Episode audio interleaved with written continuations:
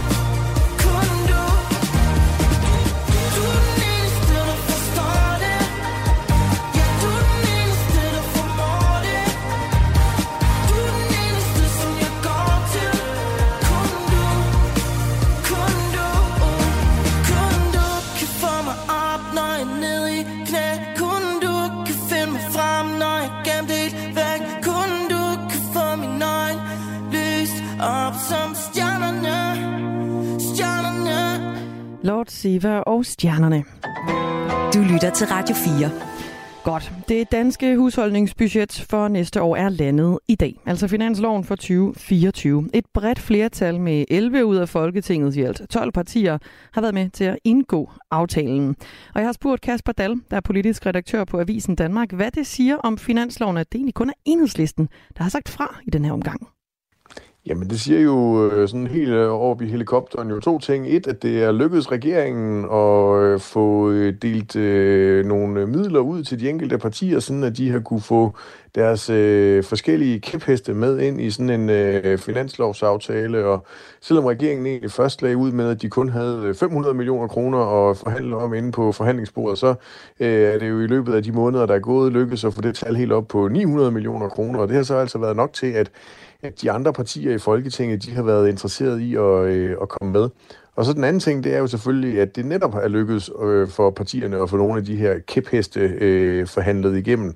Altså, øh, finanslovsforhandlingerne er jo ikke længere blevet sådan den helt store, voldsomme årlige forhandling, hvor et parlamentarisk grundlag skal have betaling for at have stemt alt muligt igennem i løbet af, af året, sådan som vi så tilbage i nullerne med Anders Fogh Rasmussen og Pia Kærsgaard. Der er finanslovsforhandlingerne blevet øh, nogle noget mindre forhandlinger, fordi der så er en, en lang række andre forhandlinger, der, der kører rundt i de enkelte ressortministerier. Og det her, det her er egentlig også et, øh, et udtryk for, altså at øh, partierne de er kommet ind og har kunne få lidt hist og pist, og så stemmer de så øh, det hele igennem i sidste ende. Og nogle af dem, som øh, fik lidt hist og pist, det var øh, Liberal Alliance, men der kom altså også en stikpille fra partiets finansordfører Ole Birke Olesen på øh, pressemødet i dag, da finansloven for næste år blev præsenteret. Det lød sådan her, da det blev sendt på TV2. Vi har jo den regering, vi har, og den regering har sit flertal, og det sætter dagsordenen for ambitionsniveauet for Danmark, som er lavt i disse år. Det er den laveste fællesnævner, øh, som kan gennemføres, øh, når både Socialdemokraterne og Venstre skal blive enige om det. Og det ser vi også afspejlet i den her finanslov, som viderefører nogle ting og løser nogle små problemer, men ikke sætter en anden kurs for det danske samfund og ikke tager fat om de store problemer. Ja, Ole Birk Olesen, han var altså ikke øh, udbredt imponeret af den her øh, finanslov. Så selvom den er bred, så er ambitionsniveauet lavt, sagde Ole Birk Olesen i dag. Hvordan ser du ambitionsniveauet i år sammenlignet med andre år, Kasper Dahl? Jamen, det kan Ole Birk Olesen jo have en, øh, en pointe i, forstået på den måde, at det er svært at se, hvilken retning den her finanslov, den trækker øh, Danmark i. Hvis den havde været lavet med kun de borgerlige partier med en borgerlig regering ind i regeringskontorerne, så havde den selvfølgelig trukket Danmark i en blå og borgerlig retning, og, og, og tilsvarende øh, omvendt, hvis, hvis det havde været øh, Venstrefløjen og, og Socialdemokratiet, der havde øh, siddet og skulle øh, fordele midlerne.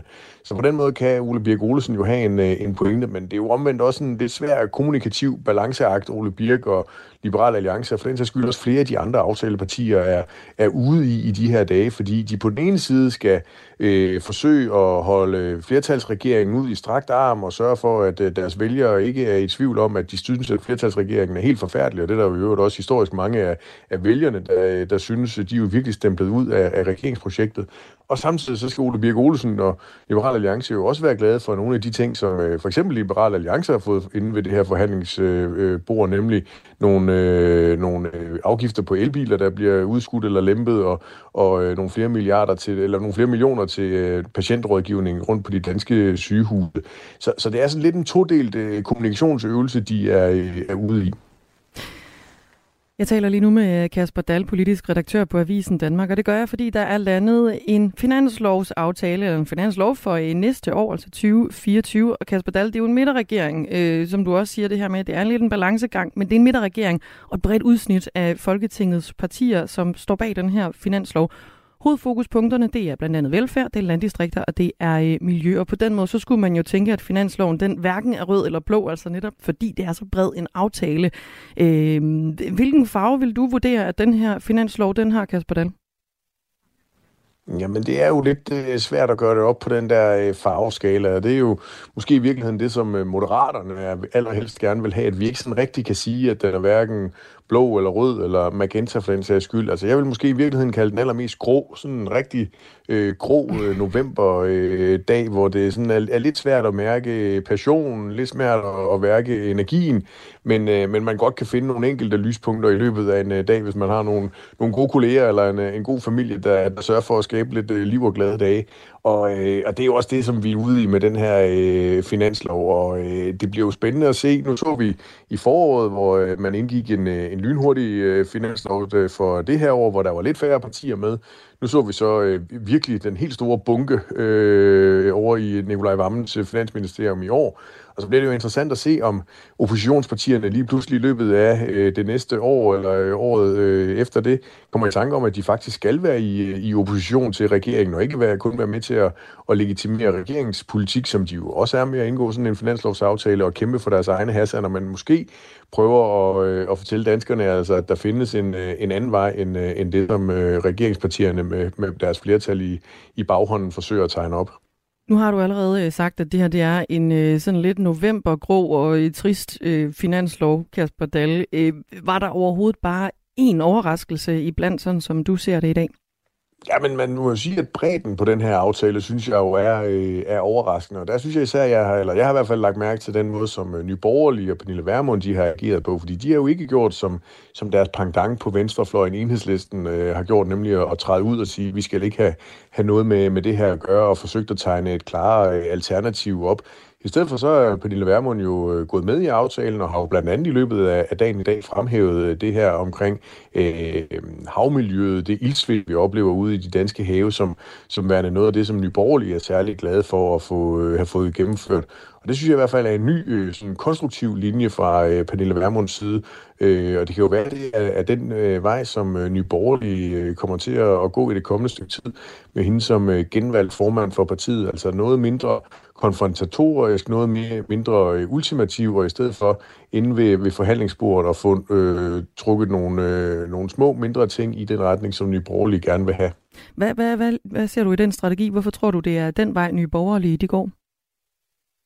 Ja, men det virker jo til, at øh, Pernille Vermund måske har indset, at den der tid med ultimative krav, og hvor man sådan havde nogle meget, meget, meget hårde røde linjer over for øh, de borgerlige kolleger, i, øh, især i forhold til, hvem man ville støtte som øh, mulig statsminister og så videre, at hun godt kan se, at det måske ikke er den rigtige øh, måde at agere parlamentarisk på på nuværende tidspunkt. Altså lige nu er der slet ikke nogen øh, borgerlig øh, statsministerkandidat. Hvis man overhovedet skal gøre sig forhåbninger om det, hvis man er borgerlig sindet, og især hvis man er borgerlig partileder, jamen så er man nok nødt til at skrue, øh, skrue mere ned for det og prøve at komme ind og vise, at man rent faktisk er, er leveringsdygtig i nogle øh, kompromiser. Og det har alle de borgerlige partier jo vist med for eksempel den her finanslov, hvor alle borgerlige partier er inde og, øh, og viser, at de øh, godt kan indgå nogle kompromiser. Og det tror jeg sådan set også noget, som øh, Truls Lund Poulsen, den nyslåede venstreformand, han øh, lige sætter på sin positiv liste, altså at det faktisk godt kan lade sig gøre og øh, få samlet alle de borgerlige partier, når, øh, når der skal laves en finanslovsaftale. Så på den måde kan man kalde det en, øh, en, en borgerlig succes, den her finanslov? Ja, altså det er jo altid nemt at være med til at, øh, at fordele øh, pengene, selvom der ikke øh, var så mange af dem. Øh, det bliver selvfølgelig altid sværere, når øh, der begynder at komme andre politikområder på, øh, på bordet. Men, men jeg synes, i forhold til, til det borgerlige Danmark, der er der i hvert fald grund til lige at sætte et lille kryds i kalenderen den her dag, at det faktisk lykkedes at få, øh, få alle borgerlige partier ind i sådan en aftale, og der ikke var nogen af dem, der havde et behov for at, at stå udenfor og råbe højt og pege fingre af de andre. Ja, sagde Kasper Dahl, politisk redaktør på Avisen Danmark, og på den måde altså også en øh, mindre succes i den her ellers grå finanslov, der er øh, landet i dag, sådan som han øh, kaldte den. I næste time af Aftenradio, der hører du øh, fra enhedslistens Pelle Dragsted, og det er altså om, hvorfor hans parti er det eneste, der ikke er med i finansloven for 2024. Lytter til Aftenradio på Radio 4 hvor vi nu skal til Gaza. Der er nemlig indgået en aftale om at forlænge den nuværende våbenhvile mellem Israel og den militante palæstinensiske Hamas-bevægelse. Og det er med yderligere to dage oven i de fire. Det er talsmanden for Katars udenrigsministerium, der melder om det her i en besked på det sociale medie X.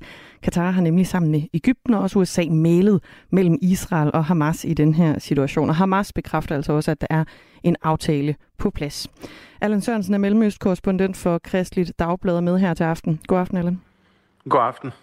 De her yderligere to dages våbenhvile, de kommer oven i de fire, forløbigt fire dage. Øh, så våbenhvilen, den slutter altså ikke i morgen tidlig alligevel, sådan som det ellers var i planen. Hvad er betingelserne i den her nye aftale? Jamen, det er mere det samme. Det er først og fremmest, at, at parterne ikke, øh, eller vil fortsætte med ikke at skyde på hinanden øh, i Gaza. øh, de israelske soldater vil holde deres positioner, og Hamas vil, vil gøre det samme.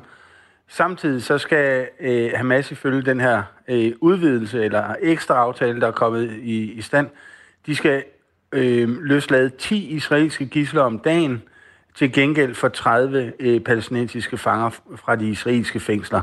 Så det er altså, øh, hvor, hvor det de seneste dage har været 13, øh, nogle gange 11, i dag 11 fanger, øh, så er det, eller gisler, så er, det, så, er det, så er vi nede på 10 øh, dagligt. Det vil sige, de næste to dage 20 israelske gisler vil blive løsladt. Og, og hvorfor er begge parter fortsat interesseret i at øh, forlænge aftalen om en våbenhvile? Altså der er jo selvfølgelig hele det her øh, gisselaspekt, at man får faktisk reddet nogle, øh, nogle menneskeliv, men, men hvorfor vil man gerne have en våbenhvile ellers? Jamen, det, sådan er det. Det handler om gislerne for, for Israels vedkommende. For Hamas, øh, øh, for Hamas' side, der nyder de øh, våbenhvilen. Øh, forstået på den måde, at civilbefolkningen kan komme ud, men Hamas kan også øh, indtage nye stillinger. De kan genop, øh, genoprette øh, deres, deres øh, forråd, altså humanitær hjælp, der strømmer ind i Gaza nu. Den kan de tage deres del af. Øh, de kan fylde lagerne øh, sådan at de er klar til, til flere måneders krig, hvis det skulle komme til det. Plus at de kan spionere lidt på, hvor israelerne befinder sig i øjeblikket, altså ved at sende spejder ud og den slags, som kan øh, indsamle oplysninger omkring israelernes stillinger, så de er forberedt, hvis det kommer til kampe igen. Og nu er øh, fire dages våbenhvile altså øh, overstået mellem Israel og Hamas. Vil du ikke lige prøve at sætte et par, et par ord på, hvordan de forgangne dages våbenhvile er gået her frem mod, at det også er blevet forlænget med to yderligere dage? Ja, det er sådan set gået godt. Altså, det, parterne taget betragtning, og den, øh, øh, altså, den atmosfære, der er mellem Israel og Hamas, så burde det ikke være gået, men det er altså lykkedes alligevel. Og det er egentlig en stor, øh, det er en stor gerning øh, fra alle parternes side, både Israel og Hamas, og også fra øh, Katar og, og Ægypten, som har været involveret, fordi det kunne sagtens have gået galt. Og vi så jo øh, temmelig dramatisk i løbet af lørdag, hvor det næsten var ved at gå galt. Altså parterne skændes om, hvem der skal på listen over de løsladte, hvem der ikke skal på listen osv. osv. Det trak ud, og, og gisserne blev først overleveret til Israel lige før midnat. Så der var det lige ved at gå galt, men de andre dage er det faktisk gået overraskende godt, øh, forstået på den måde, at parterne har holdt sig til aftalen. De har overholdt den øh, øh, af, af respekt først og fremmest for sig selv, men også af respekt for de malere, der har været i området. Og det, at man forlænger, det betyder jo egentlig, altså det er først og fremmest et udsagn for, at det, at det er gået godt de tidligere fire dage. Det bliver altså offentliggjort, at øh, våbenhvilen mellem Israel og Hamas, den bliver forlænget øh, med to dage. Det bliver offentliggjort for et par timer siden, at det her det kommer til at ske. Hvad har reaktionerne været på forlængelsen af våbenhvilen, Allan Sørensen? Altså, det, det jeg har nået at kunne opsnappe, er, at der er stor tilfredshed i Israel øh, på den konto, at man ved med sikkerhed, at, at hvis de her dage, næste to dage, hvis de lykkes, så får man endnu 20 øh, gisler øh, løsladt. Og der er et enormt pres på den israelske regering fra hele befolkningens side, og specielt fra de pårørendes side, øh, til at få så mange gisler som overhovedet øh, løsladt. Og det er altså det, det handler om. Fra Gazas side, så tror jeg, det er øh, altså helt åbenlyst, at, at hver dag, der går uden israelske bombardementer, altså det bliver taget imod med, med kysshånd, fordi Gaza har været så øh, virkelig øh, sønderbumpet øh, de seneste fire uger. Øh, og mere end det, men altså også, også siden de israelske landtropper de rykkede ind, der har kampen jo været e-, ekstremt hård i, i hele Gaza. Allan Sørensen, hvis der bliver frigivet yderligere øh, 20 gisler her fra øh, Hamas' side til Israel hen over øh, de næste to dage, hvor mange gisler er der så rent faktisk tilbage, som Israel kan have interesse i at opretholde en våbenhvile for? Ja, der er, stadigvæk, der er stadigvæk mange tilbage. Der er på nuværende tidspunkt, mener jeg, omkring 177 tilbage, efter de 11, der øh, er på vej ud af Gaza nu og er, er hos Røde Kors lige nu, øh, som vi taler. Øh, så der er en god portion tilbage. Og det, der egentlig er det vigtigste for Hamas, øh, for stadigvæk at have et, et, et kort på hånden tilbage efter, og en måde at presse Israel på, det er at beholde øh, altså soldater, de israelske soldater, der er kidnappet. Og når vi taler om dem, og det er Hamas også allerede ude at sige på nuværende tidspunkt, så er der tale om en helt, altså hvis Israel skal have løsladt øh, de israelske soldater fra Gaza, så er der tale om en helt anden pris. Altså det er ikke 10, for, 10 om dagen til gengæld for 30. Det siger Hamas allerede på nuværende tidspunkt, at, at soldaternes løsladelse, der vil, øh, der vil man kræve øh, flere ting, blandt andet, at alle de palæstinensiske fanger, de bliver løsladt fra israelske fængsler, og det drejer sig om tusinder af, af fanger, plus... Der tror jeg måske, vi tabte uh, Allan Sørensen. Du kom tilbage igen, Allan. Du røg lige ud øh, for en, øh, ja, for en kort stund. Øh, du var i gang med at fortælle om, hvad kravene var for at få løsladt øh, soldater fra øh, Hamas' side i forhold til, hvad Israel så rent faktisk skal, øh, skal give tilbage for, øh, for de her soldater. Øh, og det lød som om, det var nogle øh, væsentligt højere krav end, end dem, der er i dag. Ja, det er meget højere krav. Altså, Hamas har i, på det, i lange løb ikke nogen interesse i at holde øh, altså spædbørn og øh, ældre damer og ældre mænd til fange inde i Gaza, men de har øh, en interesse i at holde på, på soldaterne, de israelske soldater, fordi de netop kan kræve en meget, meget høj pris for de israelske soldater, hvor, der, hvor iblandt der måske også er nogle højstående officerer. Øhm, og der vil prisen være en løsladelse fra af, af alle de palæstinensiske fanger fra de israelske fængsler, plus internationale garantier om, at, at øh, Israel ikke vil føre krig mod Gaza mere i fremtiden. Altså øh, fortsat øh, gisler på hver side, som begge parter jo gerne øh, på hver sin måde gerne vil have, øh, have, have frigivet til sig selv igen. Allan Sørensen, du er mellemøstkorrespondent for Kristeligt Dagblad og følger enormt tæt med i øh, den her krig, der foregår lige nu mellem Israel og øh, Hamas, hvor Gaza altså er under øh, hård beskydning. Lige nu er der våbenhvile. Den har varet i fire dage, og nu kommer der yderligere øh, to dage til. Øhm, I morges, der sagde du til mine kolleger i Radio 4 morgen, at den her våbenhvile, den ikke er et forvarsel om fred, men kamphandlingerne, de kommer kommer øh, sikkert til at blive øh, genoptaget. Når de her to dage de øh, udløber, er det så en yderligere forlængelse af en våbenhvile, eller starter kampene så igen om, om to dage? Mm, det får vi at se. Jeg tror måske en, endnu en, en forlængelse kan komme på tale. Det vil sige øh, øh, tirsdag og onsdag, øh, der gælder det, den aftale, de har fået i stand her til aften, og måske torsdag og fredag kan så blive lagt oveni. Men så begynder det at løbe, øh, altså Hamas begynder at løbe tør for, for almindelige israelske borgere, det vil sige ældre, børn, kvinder, øh, som de kan løslade, og så vil de blive tvunget til, hvis de øh, vil fortsætte aftalen, og, og begynde at løslade soldater. Det tror jeg ikke, de har interesse i på nuværende tidspunkt. Og, og derfor tror jeg, at vi i løbet af, eller hen mod slutningen af ugen, vil nå til det punkt, hvor Israel skal til at tage en beslutning om, vil man øh, øge det militære pres på, på, øh, på Hamas, eller vil man prøve at få en eller anden form for aftale? Og her ligger der et tungt pres, også fra store dele af Israel, også fra store dele af befolkningen, på at få øh, øh, altså, gjort øh, kampen mod Hamas til, få bragt den til ende. Øh, og man har altså, altså, man har ramt Hamas hårdt. Det siges i Israel, at de har ramt omkring, eller dræbt omkring 6.000 af Hamas' øh, folk. Øh, men at Hamas stadigvæk har 18.000, mindst 18.000 tilbage. Så hvis man virkelig vil Hamas til liv, så skal der, øh, så skal der skrues op for øh, øh, den militære styrke inde i Gaza, set med israelske øjne. Og der er altså et pres, øh, både fra militæret og også fra store dele af befolkningen, på at regeringen øh, vil fortsætte med at lægge militært pres på, på Hamas. Allan Sørensen, øh, du kommer helt sikkert til at være en øh, stemme igen i øh, Radio 4 her i den kommende tid, fordi der foregår altså rigtig, rigtig mange ting lige nu mellem Israel og Hamas i Gaza. Du skal i hvert fald have tak, fordi du stillede op her til aften. Ja, det var så lidt. Allan Sørensen er mellemøstkorrespondent for Kristeligt Dagblad.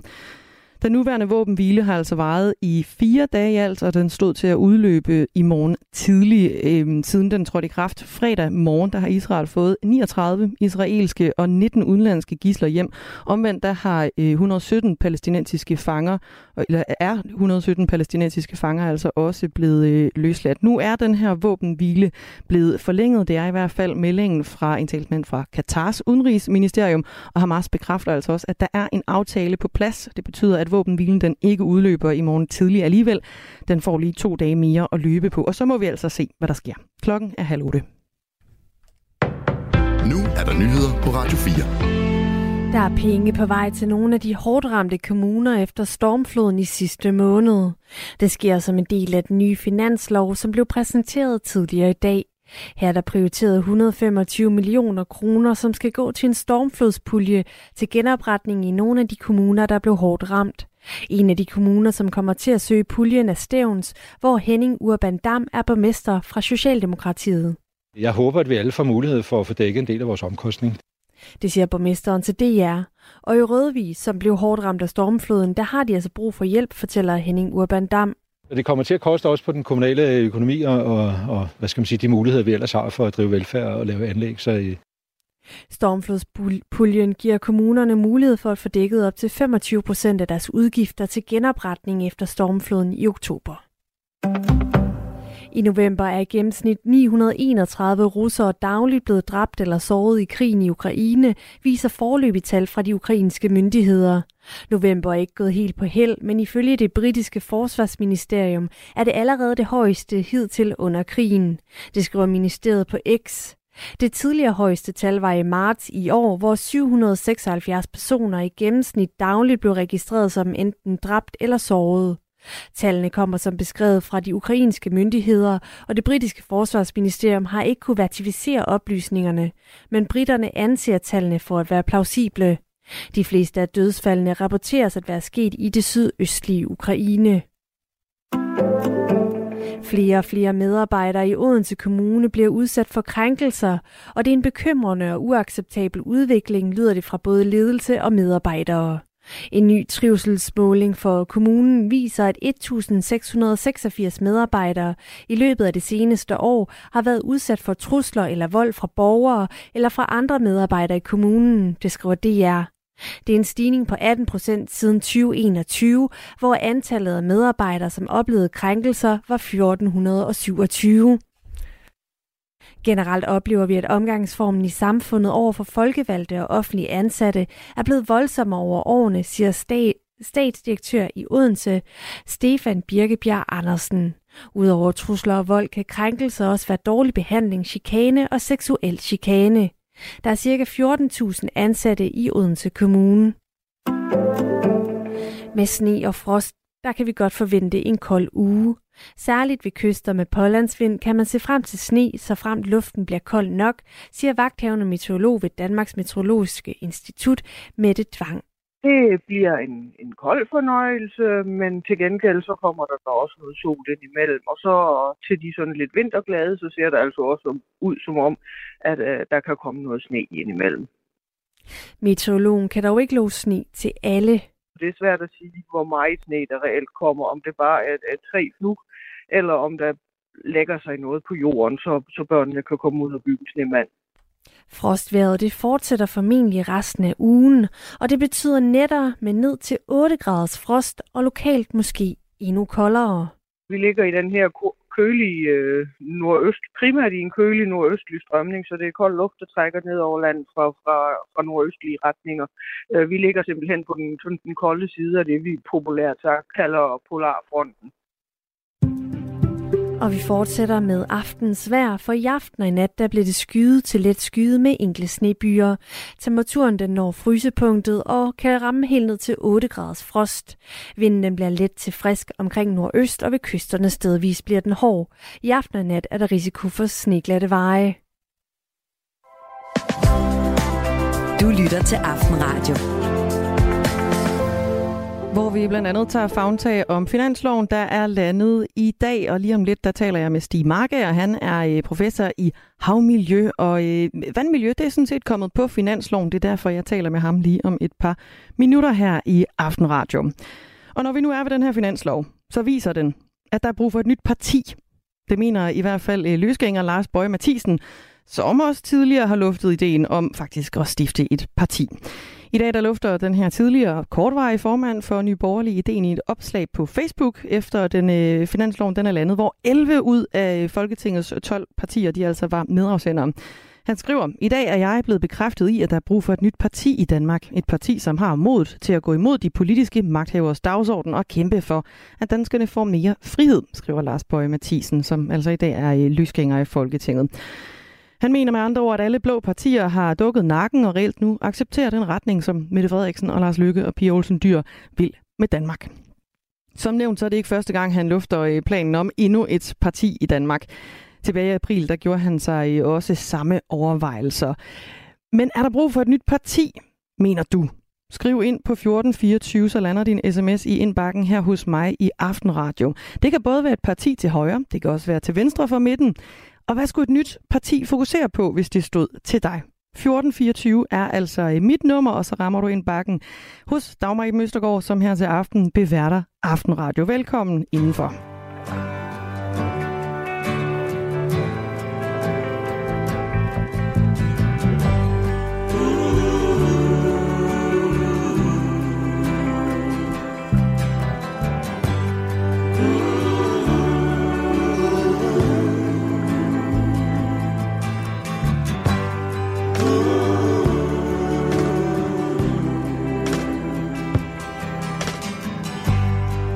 Take this badge off of me.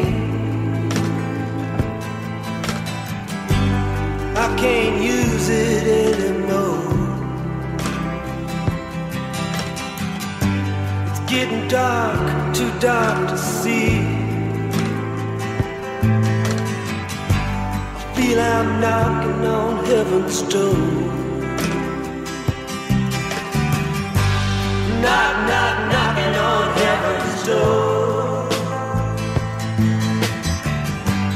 Knock, knock, knocking on heaven's door.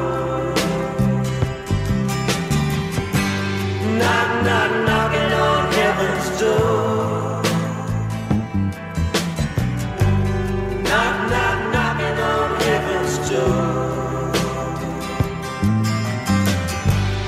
Mama put my guns in the ground. I can't shoot them anymore. That long black cloud is coming down. I feel I'm knocking on heaven's door. Knock, knock, knocking on heaven's door.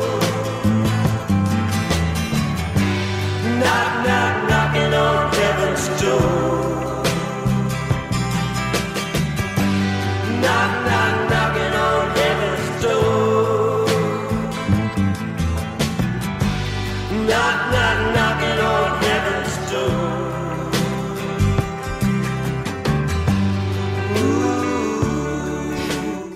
Dylan og Knockin' on Heaven's Door. Klokken er 22 minutter i 8. Du lytter til Radio 4. Oven på et efterår, hvor en rapport viste kritisk iltsvind i de danske farvande og fjorde, så er et bedre havmiljø nu kommet på finansloven for næste år. 11 ud af Folketingets 12 partier står bag aftalen, som sikrer 405 millioner kroner til en akutpakke på det her område over de kommende fire år.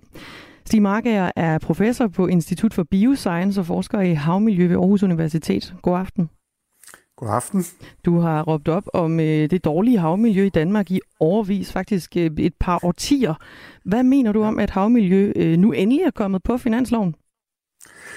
Jamen, øh, det er jo et super positivt signal, at øh, den største sådan klump i finansloven, som er til forhandling, øh, handler om at gøre noget godt for havmiljøet. Det kan man jo kun være tilfreds med, øh, set ud fra, fra min stol.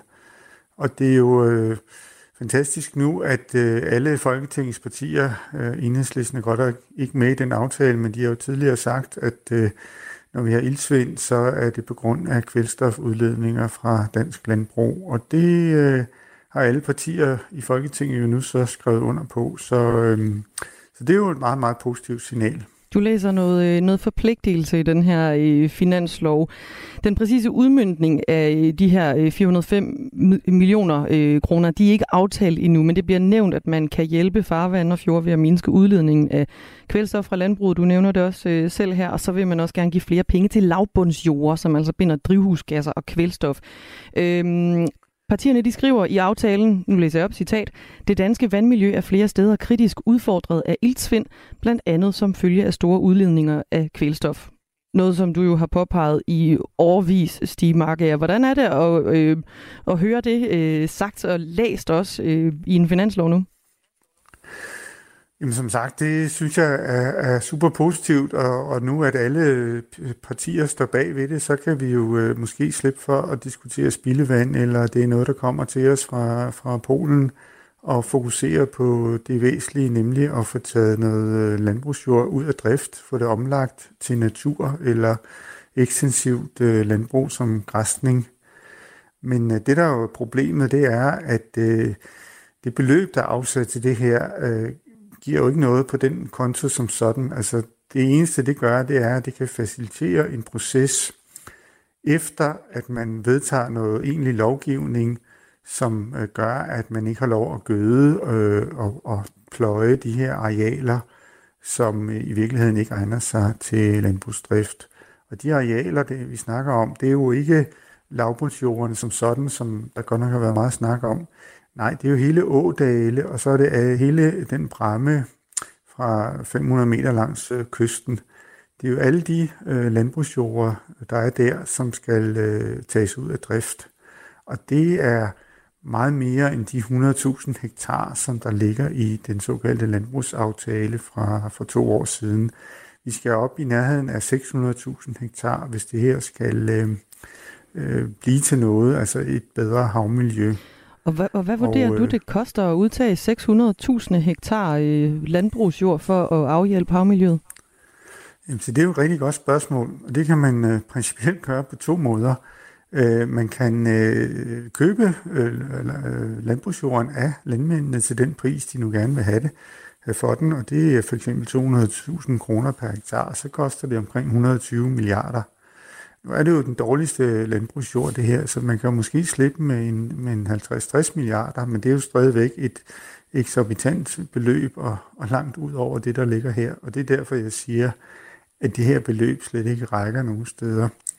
Så kan man vælge en anden tilgang og sige, jamen nu øh, siger vi fra samfundets side, at vi må ikke, øh, man må ikke gøde de her jorder, fordi de er ikke egnet til landbrugsdrift. Og øh, efter forureneren betaler princippet, så er det sådan set bare noget, man må holde op med. Og man kan i øvrigt heller ikke få landbrugsstøtte til det, så det skal sådan set bare ud af drift. Og så er der selvfølgelig nogle landmænd, der sidder med en stor økonomisk øh, bed, og det øh, kan man jo så øh, vælge fra samfundets side at, at kompensere på en eller anden måde. Og øh, et eller andet sted mellem de to yderpunkter, det er jo nok der, øh, vi skal lande. Men altså, at det koster et anseligt milliardbeløb, øh, det er der ikke nogen tvivl om. Øh, ja, nu det er jo du, sådan set bare øh, det, at, øh, at det koster jo noget at, at, at, ændre, at ændre levevis. Nu nævner du, at det kan komme til at koste. Det var et slag på tasken, ikke? Skal vi lige sige her, Stig Mark er professor på Institut for Bioscience og forsker i havmiljø. 50 milliarder kroner, hvis man gerne vil opkøbe alle 600.000 hektar øh, landbrugsjord, mm. som ligger rundt langs kanterne ud til der, hvor der rent faktisk er et havmiljø, som råber på at blive, øh, blive reddet. Det er den ene ting, mm. man kan købe jord fra landmændene, og så kan man også droppe, øh, droppe gødningen. Og et sted derimellem skal vi altså lande for at, for at redde det havmiljø, som er så mega presset, og som du har råbt op om i... I overvis. Så med de her 405 øh, millioner kroner, der nu er afsat til havmiljøet, Stig Marker, så er der jo øh, meget lang vej igen i forhold til at, øh, at redde havmiljøet. Er du ikke vildt skuffet, eller er du okay? Altså, jeg er en positiv menneske, så jeg hæfter mig ved det positive signal, og så tror jeg godt, at alle politikerne, der arbejder med det her, ved, at øh, udfordringen er i den her størrelsesorden, og, og hvis de ikke ved det, så vil jeg gerne hjælpe med at forklare det. Øhm, og det lyder af rigtig mange penge, og det er jo så et tab, som vi skal tage i samfundet under alle omstændigheder, fordi hvis det er landmændene, der tager det, så bliver det jo givet videre som et tab til dem, der har lånt dem øh, penge. Så altså, at tabet er der, det, det kommer vi ikke udenom, og det er i den størrelsesorden. Det tror jeg også, at de fleste er enige i. Det positive, det er så faktisk bare, at hvis vi, eller når vi trækker os lidt tilbage og giver naturen lidt mere plads, altså tager et areal ud, der svarer til cirka to gange Fyns areal, så får vi jo et fantastisk øh, landskab, øh, smukt landskab med biodiversitet, vi får rent drikkevand igen uden nitrat og pesticider. Vi får løst problemerne med oversvømmelse fra ferskvand. Vi får rene søer og, og åer, som er forurenet af fosfor. Øh, så altså, vi får jo en helt, helt række fordele, som rigeligt opvejer, øh, at det koster så mange penge. Så det er sådan set bare med at komme i gang, og så må vi jo øh, finde ud af, hvem der skal tage regningen. Men man kan vel også risikere ved at udtage noget, der svarer til to gange Fyns areal, og, og miste en masse eksportindtægter på, øh, på landbruget. Kan man ikke det? Ej, det tror jeg faktisk ikke, fordi øh, det her det er 20 procent af landbrugsjorden, men nu skal vi lige huske, at det er den dårligste 20 procent. Det meget af det producerer faktisk ikke ret meget, men det er drevet for at opnå EU's øh, hektarstøtte på 2.000 kroner mm. per hektar per år. Så produktionens øh, nedgang i selve produktionen er meget mindre end 20 procent. Den er måske 5-10 procent. Og så bliver der jo en helt anden øh, en, øh, indtægt i alle de her, den oplevelsesøkonomi, der bliver knyttet til alle de her arealer, altså tænk på sort sol i Sønderjylland og havørder omkring Fyn og så videre. Og der er det jo sådan set dokumenteret, at den økonomi, der ligger der, langt overstiger den marginale nedgang i eksportindtægterne på selve fødevareeksporten, som er øh, egentlig marginal øh, i, i dansk økonomi. Jeg er egentlig mere øh, at fortælle om en uh, øh, ildsvindsrapport fra Miljøstyrelsen, der kom her i efteråret, som altså påpegede kritisk ildsvind i Danmark. Øh, og siden da, der har Danmark fået en uh, selvudnævnt havets minister. Det er Miljøminister Magnus Heunicke. Hvad skal han gøre for at leve op til det navn, mener du, Stig Marker? Altså han skal øh, skaffe et øh, politisk øh, flertal for, at øh, man her fra næste år øh, siger til, til landbruget, at øh, I må altså ikke gøde øh, de her 600.000 hektar med kvælstof. Vi ved, hvor de ligger. Det er øh, alle ådalene, 1-2 km øh, på hver side af de brede åer, og noget mindre på de mindre åer. Og øh, så er det en bræmme hele vejen langs kysten. De øh, intensivt dyrkede jorder, der ligger der, dem øh, må vi holde op med at gøde og pløje, og det er vi nødt til at gøre fra næste år, hvis vi skal øh, nå i mål med øh, EU's øh, vandrammedirektiv, som kræver, at vi skal have en god tilstand her om fire år. Øh, så det er sådan set heller ikke noget, vi helt sådan bestemmer selv i Danmark, fordi vi har faktisk øh, forpligtet os til at øh, gøre det her i forhold til EU.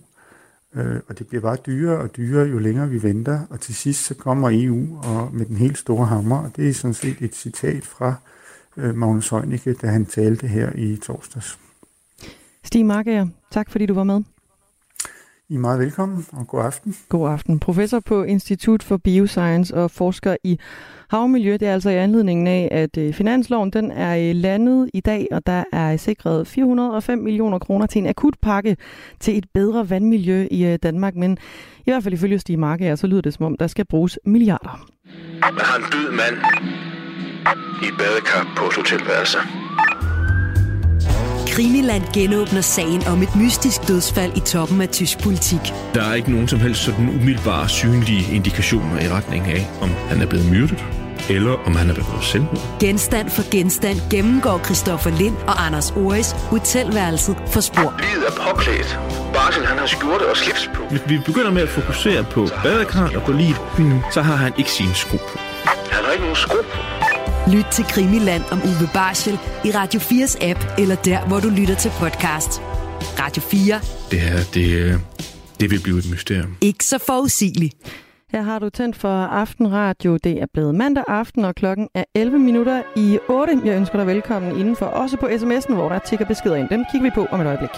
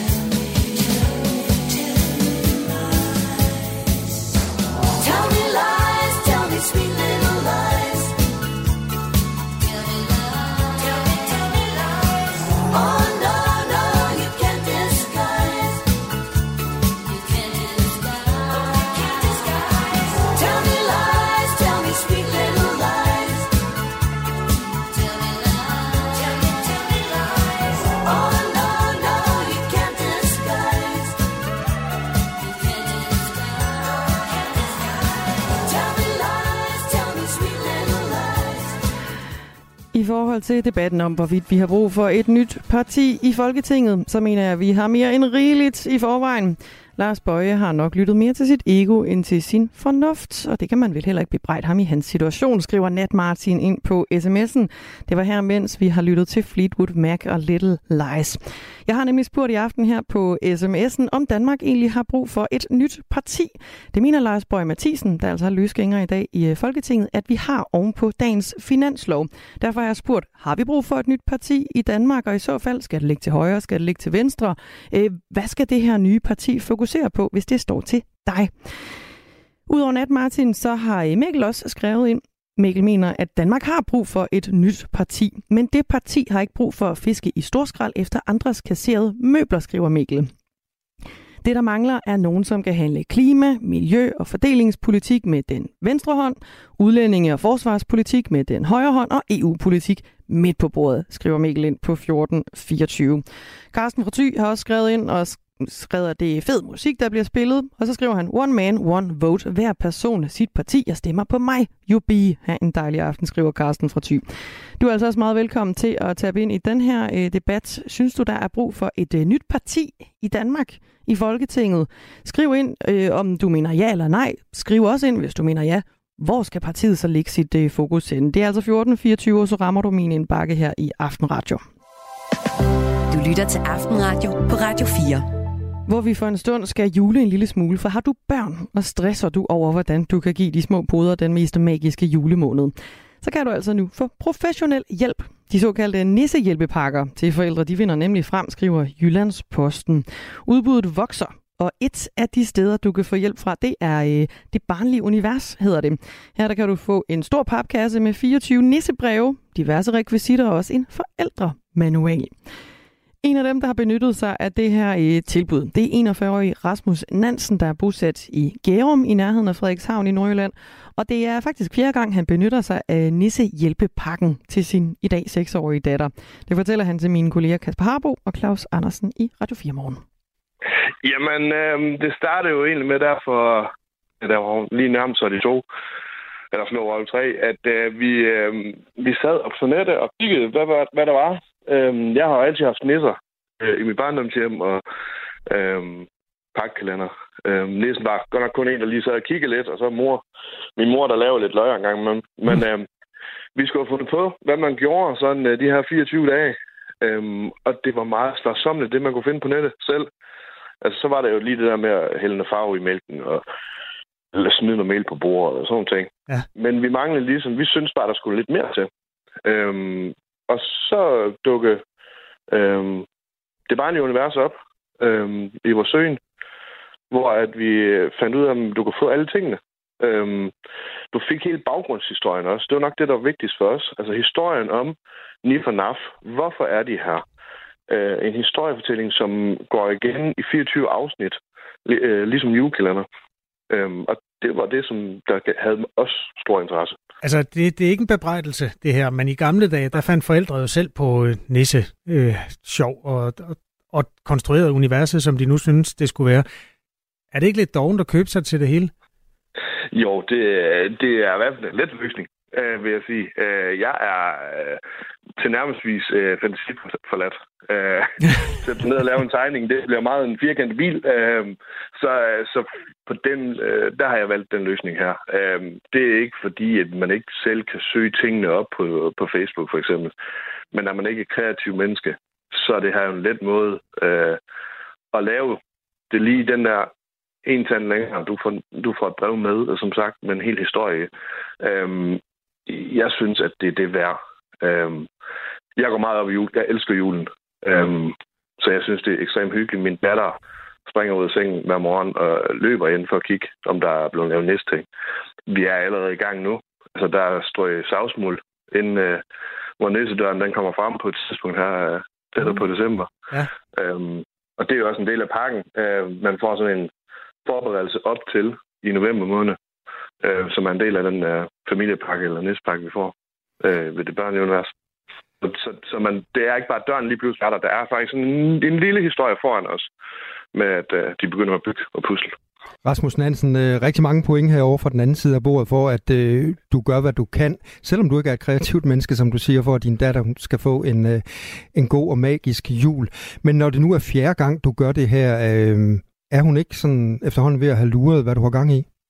Mm, jeg ved det ikke helt. Uh, hun har jo fundet ud af julemanden. Han, uh, der er mange julemænd, uh, både i kalender og julekalender og i, ned i byen, som ikke er den rigtige julemand, hvis man kan sige sådan. Bare nogen, der hjælper og skuespiller. Uh, øhm, jeg tror stadigvæk på, uh, og det er ikke bare et naivt uh, på vi har. Vi har snakket om, at om det var om det var for sent nu. Men hun, øh, hun virker reelt på, at øh, hun tror på, at det er de her små fyre som på 10 cm, som, som lusker rundt og laver sjov. Og så længe at de ikke laver ballade, hun kan også blive syv år, de tager bamseren, selvom de har været, øh, været, været i løbet af natten været inde og hente dem, og så sætte dem til at se Ramachan og lave popcorn og se biograf. Øhm, det kunne hun godt blive syv over, at de lige pludselig var væk i morgen øh, sidste år. Øh, men hun synes stadigvæk, det er sjovt, så længe de laver de sjove ting. Så jeg tror på, hun tror på dem. Ja, sådan øh, sagde 41-årige Rasmus Nansen, der bosat i Gærum i nærheden af Frederikshavn. Han er altså en af de øh, stadig flere danske forældre, der ifølge Jyllandsposten benytter sig af professionel hjælp for at gøre julen ekstra magisk for sit barn. Du lytter til Aftenradio på Radio 4. Og der er flere, der skriver ind i forbindelse med, om vi skal have et nyt parti i Danmark, sådan som Lars Bøge Mathisen, han har været ude og melde i dag på sin Facebook-side ovenpå, at finansloven er landet. Henrik han skriver, vi skal have et parti, der sørger for, at vi får atomkraft. Atomkraft har i mange år leveret sikker og stabil energi med meget få tab af menneskeliv, skriver Henrik ind med venlige hilsner på 1424. Sanne Petersen har også skrevet ind med venlige hilsner. Hun skriver, nej, Danmark har ikke brug for et nyt parti. Derimod bør flere støtte op om det humanistiske parti Enhedslisten. De går ind for, at alle skal have det godt og en færre fordelingsnøgle til alle, skriver Sanne. Du kan også være med på den her debat, der foregår på 1424. Spørgsmålet er altså, skal Danmark have et øh, nyt parti i Folketinget? Lars Borg Mathisen synes i hvert fald, der skal et nyt parti til i øh, det danske Folketing oven på finansloven, der landede i dag. Og du kan altså byde ind, mener du det samme? Skal vi have et nyt parti eller ej? Og i så fald, hvis vi skal, hvad skal partiet så fokusere på?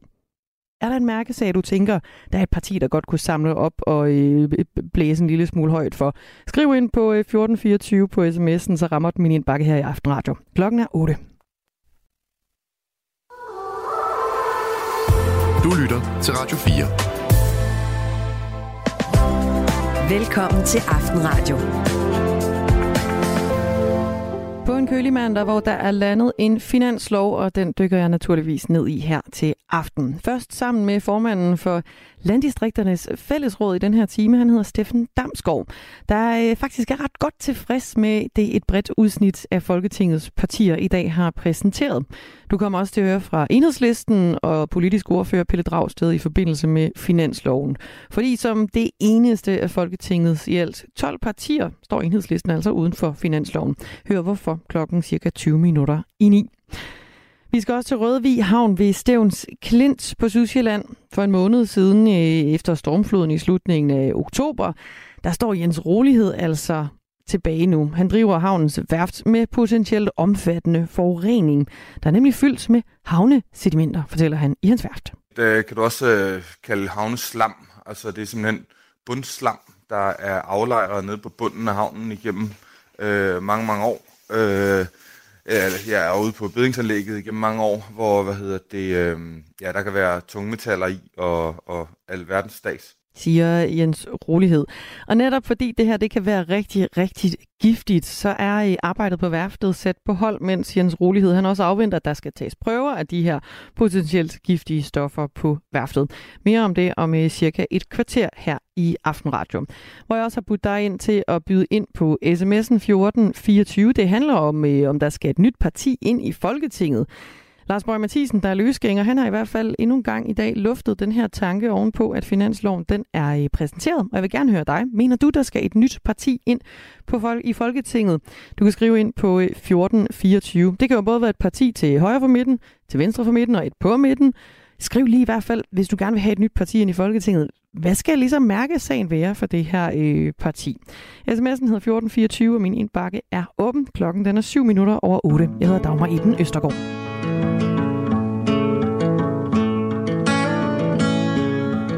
I am another man than who I thought I'd be.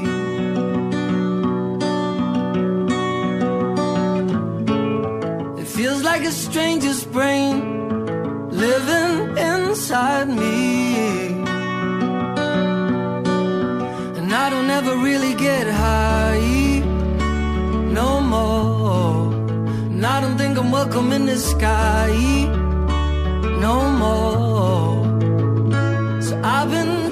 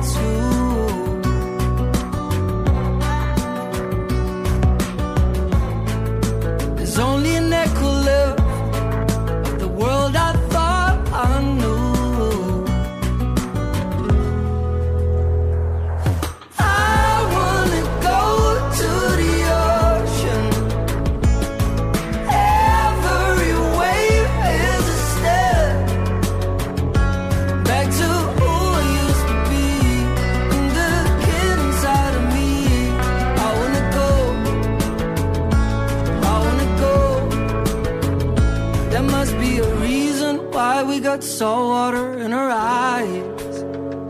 There must be a reason why we got salt water in our eyes.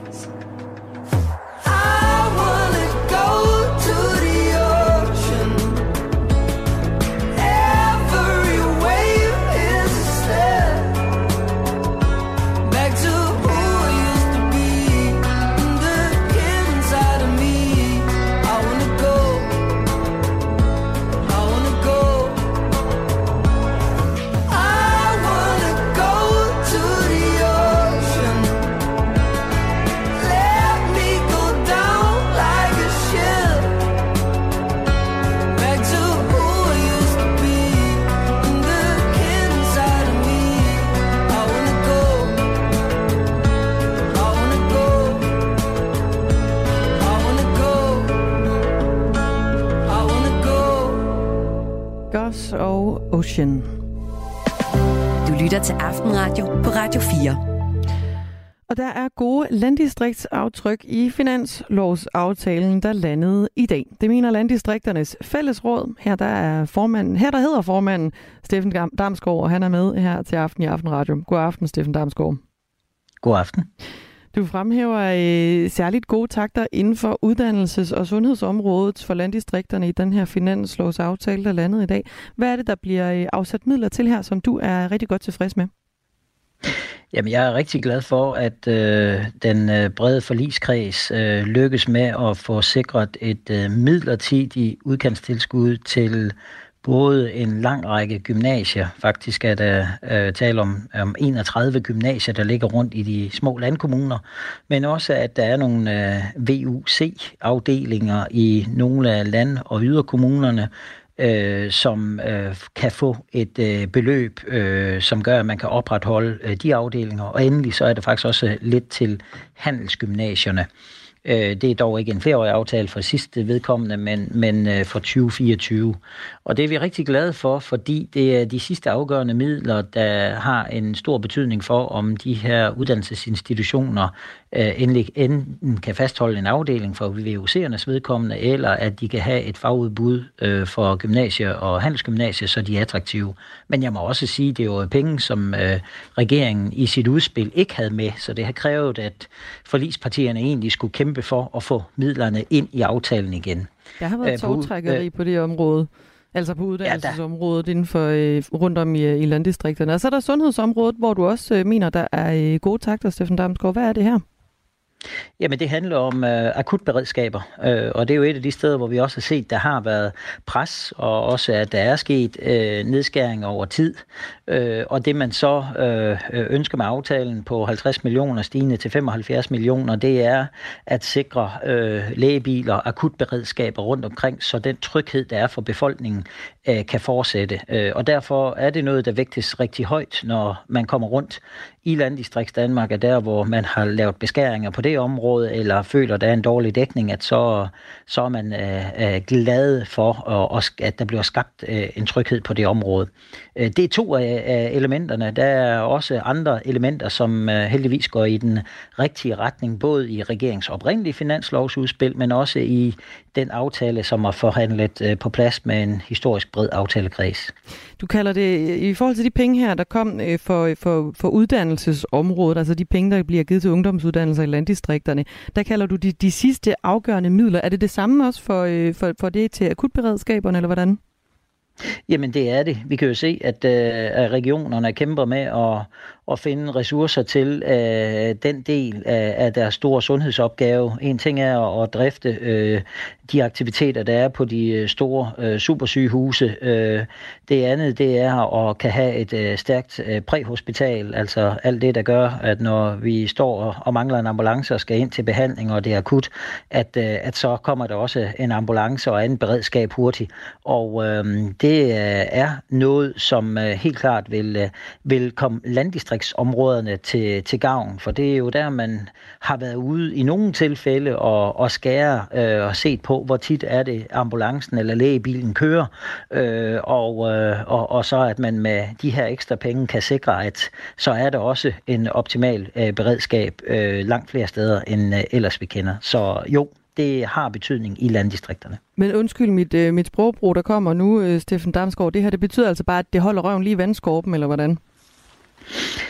for mig at se, så er det et, øh, et løfte, der gør, at øh, man øh, godt kan tale om, at det er, øh, kan være trygt også at bo i, i landdistrikts Danmark øh, på de her to felter. Men det er da klart, at vi havde da også haft nogle øh, andre ønsker, øh, som ikke nåede igennem i øh, finanslovsforliget, selvom der er en række øh, områder, øh, som øh, tilgodeser forskellige steder, lige øh, fra øh, de voldsomme ødelæggelser, der var i forbindelse med stormen i den østlige del af Danmark, som faktisk faktisk har gjort, at en række lande yderkommuner er hårdt under pres øh, til, øh, at man øh, også har fundet lidt ekstra ressourcer til byfornyelsesområdet i byer under 4.000 indbyggere.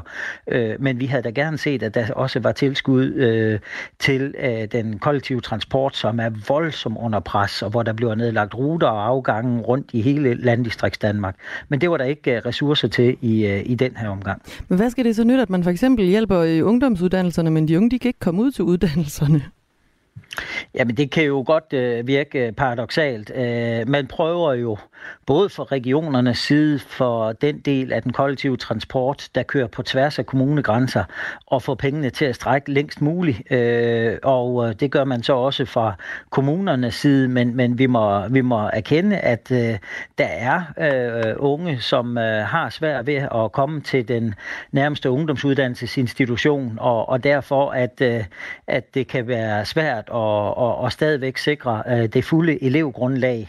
Øh, men øh, det er i hvert fald ikke øh, øh, i det her tilfælde økonomien, der så gør, at man må skære ned i forskellige øh, fagretninger og, og, og velfærdstilbud og andet af det, der er vigtigt for at gøre det attraktivt. Men omvendt, så må vi sige, jamen hvis der er unge, der vælger om at flytte til nabobyen, fordi at, øh, at de ikke kan få det til at fungere med at transporteres ind til, til øh, den lokale gymnasium eller handelsgymnasium, så har vi en skævvridning på et andet område. Og det er jo også derfor, at øh, vi føler ikke i landdistriktens fællesråd, at vores opgave er, er slut efter finansloven i dag, selvom der er en række landdistriktstiltag, der er bestemt meget at kæmpe for fortsat for at sikre et land i balance, og også at man kan have et helt liv i landdistrikts Danmark, hvor man kan leve og bo og arbejde og få det til at fungere.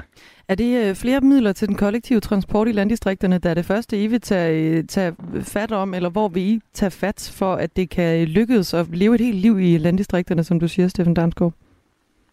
Jamen, nu er det øh, ikke sådan, at man kan bare hive i et enkelt håndtag, så har man løst alle problemstillinger, men, men det er en af de aktuelle problemstillinger, der er, og det har vi påpeget og kæmpe for i, øh, i et års tid nu, øh, øh, og det øh, må vi jo så erkende, det er vi ikke kommet i mål med endnu, og regeringen har nedsat et ekspertudvalg, der skal komme med anbefalinger på den kollektive transportområde øh, og om mobilitet i øh, løbet af 2024, måske sidst på året, og, og så vil man jo først derefter forhåbentlig få nogle øh, gode forslag til, hvordan kan man tænke mobilitet på en helt ny måde, så man kan leve op til det der ekspertudvalgets arbejde, sikre bedre kollektiv transport. Øh, og det er der en ambition om, at det skal kan gøres til færre ressourcer. Det vi bare har sagt ind til, at de anbefalinger ligger, så burde man holde hånden under den kollektive transport øh, og ikke øh, skære ned. Øh, og for landdistrikternes side ser man jo, at der bliver skåret samtidig med, at taksterne stiger, øh, billetterne stiger, og, og det gør altså, at der er fravalg på, øh, øh, af den kollektive øh, transport, øh, og, og det frygter vi jo selvfølgelig på den lange bane også kan få nogle bosætningsmæssige konsekvenser.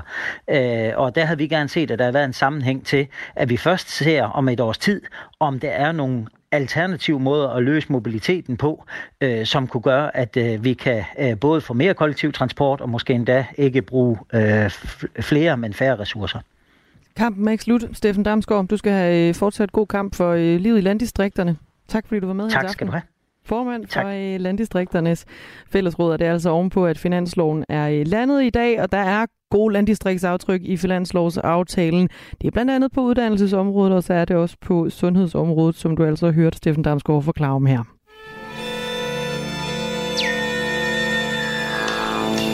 mig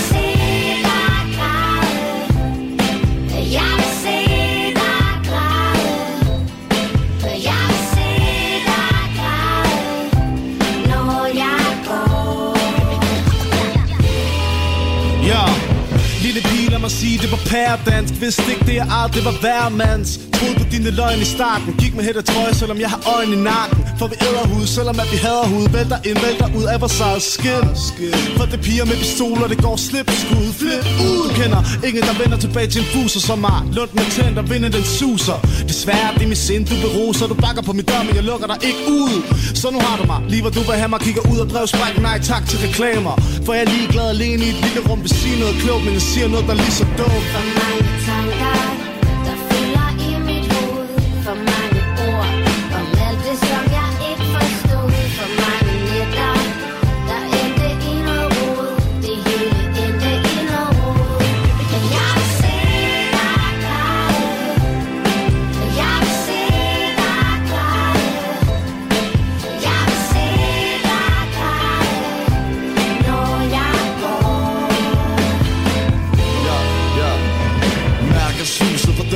Knækket i. Du er ikke nemt at tæmme din kækkepige Det bliver så meget stillhed kan larme Når man ikke ligger sikkert i dine arme.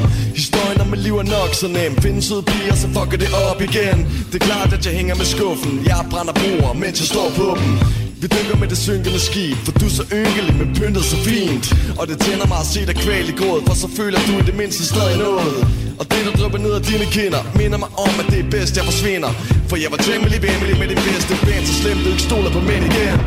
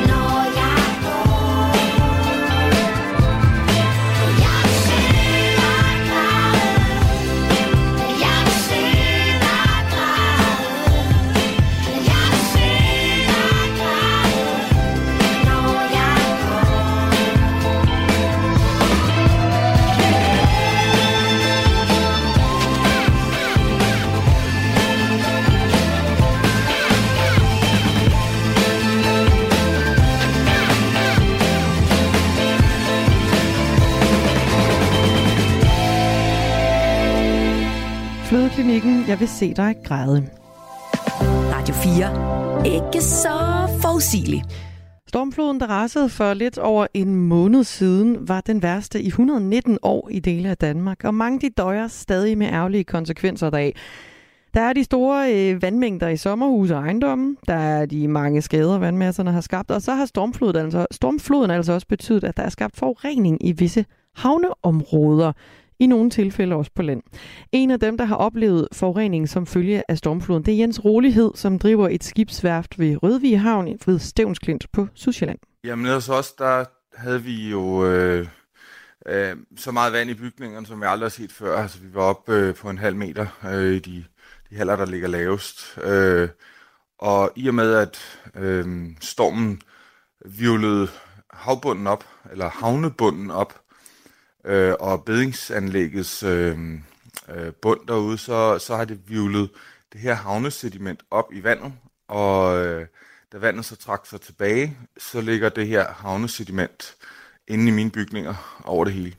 Havnesediment øh, kan du også øh, kalde havneslam, altså det er simpelthen bundslam, der er aflejret nede på bunden af havnen igennem øh, mange, mange år. Øh, jeg er ude på bedingsanlægget igennem mange år, hvor hvad hedder det, øh, ja, der kan være tungmetaller i og, og alverdens stads. Ja, alverdens stas er altså stoffer, man ikke har lyst til at arbejde i, fordi det kan være skadeligt.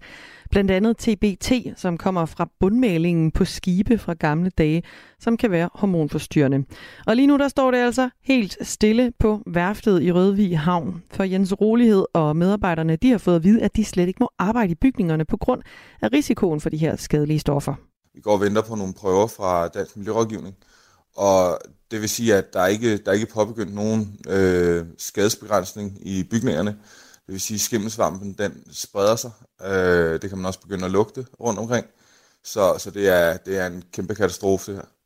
Og fordi der altså også er risiko for skadelige stoffer i det her slam, der har samlet sig på værftet efter stormfloden i oktober, så kommer forsikringsselskabet heller ikke lige forbi og gør boet op. Deres taxator har simpelthen sagt, jamen øh, vi kommer ikke ud, før at der er øh, styr på, hvad der er i det her stats her. Så, så vi er fuldstændig låst, låst fast, fordi vi kan ikke få genhusning af forsikringen øh, eller stormrådet. Øh, så vi, vi, vi har sådan set øh, barrikaderet os op på første salen, hvor der jo ikke har været noget vand, øh, og har lavet en midlertidig frokoststue i nogle præsendinger, og det er, det, er, det er helt til hest det her fortæller Jens Rolighed, der har et skibsværft i Rødvig Havn efter stormfloden i oktober. Og Rødvig Havn er altså heller ikke det eneste sted, der er ramt af potentiel forurening. Ifølge Jakob Carstensen, der er professor i marin økologi ved Institut for Eco-Science ved Aarhus Universitet, så er det altså et stort problem, at der kommer stormfloder, som så spreder forureninger, der ofte ligger omkring havnene. Altså problemet er jo lidt, at man har noget forurening, som ligger i de her havne, og der er det sådan forholdsvis koncentreret. Øh, når der så kommer sådan nogle storme, så bliver det fordelt ud. Så bringer stormene alt det her forurening ud på havnen og ud til det omgivende miljø. Det skaber jo problemer med, at mange af de her metaller eller tungmetaller, som findes, og miljøfarlige stoffer, at de øh, har jo en effekt på, på alle de organismer, som lever ude i havmiljøet. Og det vil sige, at nu spreder vi dem bare over et større område. Og stormflod er altså en betegnelse for et ekstraordinært højt højvande, typisk i forbindelse med kraftig blæst. Og her bliver der altså rusket godt op i havbunden omkring havnene, hvor der gemmer sig de her giftige stoffer. Jamen, der er jo en, en masse altså tungmetaller, og så er der også øh, diverse olieholdige produkter, øh, og så er der også noget som CBT, som man bruger som antibegroning på, på skibsmaling. Og det er altså sådan nogle stoffer, som dem han nævner her, der risikerer at have samlet sig på værftet i Rødvig Havn, og som gør, at Jens Rolighed ikke kan udføre sit arbejde, som han plejer. Vi har fået at vide, at vi kan godt bevæge os rundt inde i bygningerne, uden at vi støv op. Fordi det her sediment, det her slam, det er jo blevet til støv efterhånden, som det er tørret. Og man skal ikke få det ind i kroppen, af hvad vi får at vide.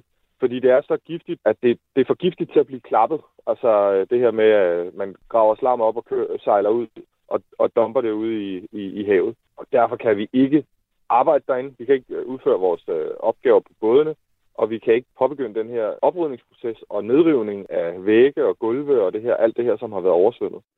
Nu var det jo en ret usædvanlig stormflod, der ramte for en måned siden og har sat en stopper for Jens Roligheds arbejde. Men det er altså også storme som den, vi måske skal til at vende os lidt mere til for fremtiden. Derfor så er skridt nummer et at fjerne forureningen, så den jo ikke bliver spredt af endnu en stormflod, lyder det fra Jakob Carstensen, der er professor i marin økologi. Vi skulle helst gøre noget ved den her forurening. Og øh, noget af det, vi kan gøre ved, er jo på, på at fjerne det. Vi kan jo tage i høj grad noget af det her havneslam, og så øh, bringe det på land og behandle det. Og det vigtigste er også at sige, det er jo, at det er jo ikke stormene som sådan, der producerer den her forurening. Det er jo faktisk også mennesker, der producerer den. Det er i kraft af alle vores aktiviteter, alle de forurenende stoffer, f.eks. vi putter på, på bådene som vi sætter på bådene som antibegroning. Det er jo det, der, der skaber forurening. Det er ikke stormen, der skaber forureningen. Nej, man kan jo altså ikke forhindre stormene i at ske, som han påpeger. Så man må kigge andre steder hen for en løsning. Det kræver jo lidt, altså måske ikke sådan fra havnenes side, men mere fra øh, både fra miljømyndighederne, men også fra, kan man sige, altså alle dem, der udvikler alle de her antibegroningsmidler, de firmaer, der gør det, og siger, at vi skal udvikle nogle stoffer, som vi kan putte på bådene, som ikke har den her, kan man sige, meget giftige effekt. Det, det lyder lidt som en paradoks, fordi man skal jo have et stof, som på en eller anden måde forhindrer øh, alle de her vækster i at sætte sig på bådene, og samtidig så skal de ikke have en, kan man sige, giftig effekt, når de bliver frigjort. Det er en udfordring. Jeg er sikker på, at der er nogle firmaer, der kan tage den op siger Jakob Carstensen, professor i marin økologi ved Institut for Ecoscience på Aarhus Universitet. Og tilbage står altså Jens Rolighed stadig i dag med et forurenet skibsværft. Faktisk så forurenet, at der ikke er nogen, der har sønderligt lyst til at komme ud og besigtige værftet, hvis det er så giftigt, man har, som man har mistanke om. Næste led i den proces, det er at vente, ligesom øh, han har gjort hidtil, Jens Rolighed. Der er ganske enkelt ikke andet for, siger han. Øh, vi ventede i tre uger på, at taxator kom øh, første gang, og lige så snart han konstaterede, at der lugtede ind i bygningerne, så sagde han, at han ville gerne ud igen. Øh, og, og så, har vi ikke, øh, så har vi ikke set dem siden. Øh, og så, så, så venter vi sådan lidt på de her øh, dansk miljølovgivning, som har taget nogle tests øh, for TPT. Det var, det var der ikke testet for de første gange, øh, der blev testet. Og så, øh, så, så skal der laves en, en, øh, en handlingsplan for det her øh, rådgivningsfirma i forhold til, hvordan det skal behandles. Og indtil da kan jeg kun vente. Ja, vente og vente og øh, vente, det er det Jens Rolighed, han kan øh, gøre. Han må slå koldt vand i øh, blodet. Han er altså værfsejr i Rødvig Havn ved Stævns på Sjælland, og det er fordi, han øh, lige nu sidder og venter på, at nogen tager nogle prøver, så han kan komme videre, fordi der er landet en masse forurening i hans værft i Rødvige Havn, efter den stormflod, der ramte for øh, cirka en måned siden. Det var en ret voldsom stormflod. Det var en stormflod, hvor vandet nogle steder nåede op på mere end 2 meter og 10 over den normale vandstand, og det var øh, blandt andre der ved øh, Stævns Klint og Rødvige Havn, hvor man blev særligt hårdt ramt af den her øh, stormflod. Her lytter du altså til Aftenradio på en øh, mandag aften. Mit navn er Dagmar Eben Østergaard. SMS'en er stadig åben på 1424. Jeg har spurgt dig, er der brug for et nyt parti i Folketinget? Skriv ind 1424. Nu er der nyheder på Radio 4.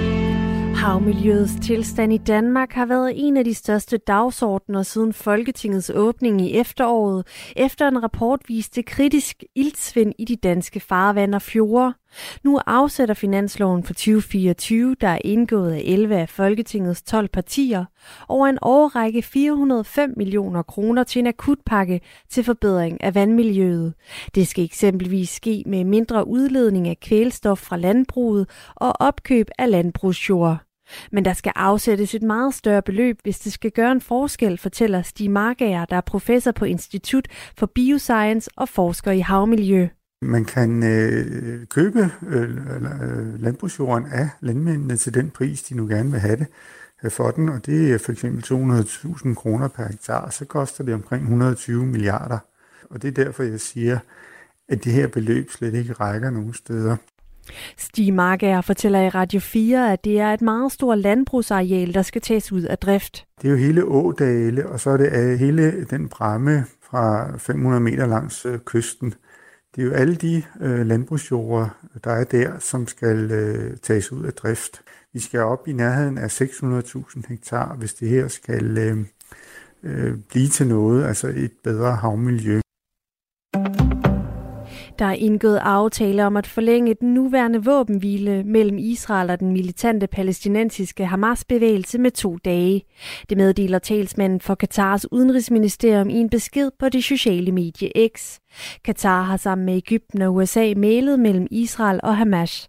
I Gaza bekræfter Hamas, at en aftale er på plads. Allan Sørensen, der er mellemøstkorrespondent for Kristelig Dagblad, fortæller i Aftenradio her på Radio 4, hvad den udvidede våbenhvile indeholder. Først og fremmest, at, at parterne ikke, øh, eller vil fortsætte med ikke at skyde på hinanden øh, i Gaza. Samtidig så skal øh, Hamas ifølge den her øh, udvidelse eller ekstra aftale, der er kommet i, i stand, de skal øh, løslade 10 israelske gisler om dagen til gengæld for 30 øh, palæstinensiske fanger fra de israelske fængsler. Hvad kommer der så til at ske om to dage, når den udvidede våbenhvile udløber? Det giver Allan Sørensen sit bud på. Jeg tror måske en, endnu en, en forlængelse skal komme på tale, det vil sige tirsdag og onsdag, øh, der gælder det, den aftale, de har fået i stand her til aften, og måske torsdag og fredag kan så blive lagt oveni. Men så begynder det at løbe, øh, altså Hamas begynder at løbe tør for, for almindelige israelske borgere, det vil sige ældre, børn, kvinder, som de kan løslade, og så vil de blive tvunget til, hvis de øh, vil fortsætte aftalen, og, og begynde at løslade soldater. Det tror jeg ikke, de har interesse i på nuværende tidspunkt. Siden den første våbenhvile trådte i kraft, der har Israel fået 39 israelske og 19 udenlandske gisler hjem, mens 117 palæstinensiske fanger er blevet løsladt. Mindst 18 mennesker har mistet livet på grund af lynnedslag i Indien under voldsomt uvejr. Det oplyser lokale embedsmænd. Den form for voldsomt uvejr ventes ikke i den del af Indien i vintermånederne, og derfor blev flere overrasket af lyn, torden og regnvejr. Myndighederne siger ifølge avisen The Indian Express, at flere blev dræbt af lynnedslag, mens de arbejdede udendørs. Udover de 18 dræbte af lynnedslagene, så har mindst 20 mennesker mistet, li- mistet livet under det kraftige regnvejr. Derudover er mindst 40 dyr blevet dræbt. I aften og i nat skyde til let skyde med enkle snebyer. Temperaturen ryger ned mellem frysepunktet og der og 8 graders frost. Og i aften og i nat er der risiko for rim og isglatte veje i hele landet. Du lytter til Aftenradio. Hvor spørgsmålet på sms'en her til aften har været, har Danmark brug for et nyt parti i Folketinget? Det er der kommet øh, sms'er på. Jeg spørger om det her, fordi Løsgænger Lars Bøge Mathisen, han har øh, luftet ideen oven på den nye finanslov, der er landet i dag. Han mener altså, at der er brug for et nyt parti. Øh, han var jo kortvarigt formand for øh, Nye Borgerlige House, luftede sådan en idé her øh, før. Nu gør han det igen efter indgåelsen af den her brede finanslov, hvor 11 ud af 12 partier var med afsendere på finansloven. Han siger, i dag er jeg blevet bekræftet i, at der er brug for et nyt parti i Danmark. Et parti, som har modet til at gå imod de politiske magthavers dagsorden og kæmpe for, at danskerne får mere frihed, skriver Lars Bøje Mathisen. Det er dog uden endegyldigt at sige, at nu gør han det. Det er altså ikke øh, første gang, han, øh, han lufter de her planer. Så vi mangler stadigvæk lige sådan en endelig bekræftelse på, at han faktisk gør det. Men det i den anledning, jeg har spurgt på sms'en, om du også mener, der skal være et nyt parti, om der er brug for et nyt parti i Folketinget i Danmark. Og der er kommet en sms fra Michael Christiansen, der skriver ind fra Borup. Han skriver, et nyt parti i Folketinget? Ja, hvorfor ikke flere af dem, og lad os så få skiftet nogle af de gamle partier ud. De har jo monopol på folkestyret. Med nye partier kunne vi få rystet posen, så det, ikke hele, så det hele ikke var så sammenspist, skriver Michael Christiansen ind. Tak for et godt program, og god aften, ønsker han desuden også. Du er altså velkommen til også at øh, tjekke ind i den her øh, snak på sms'en 1424. Er der brug for et nyt parti i Danmark, mener du?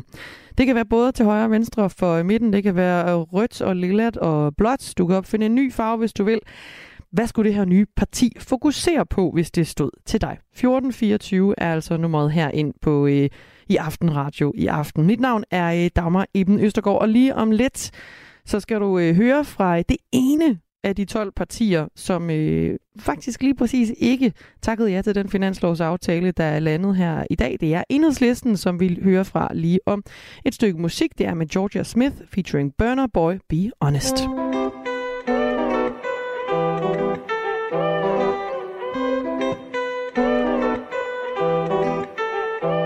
I know you want me Every day, not only when you're lonely. Yeah, you see, you think you know me, but you don't even know nothing about me. Yeah, you see my thick thighs, lost when you look into my brown eyes. See my little ways can make you switch sides. You never know the devil in a disguise, so why don't you stand up, baby? And tell me, tell me, tell me, do you want me on top?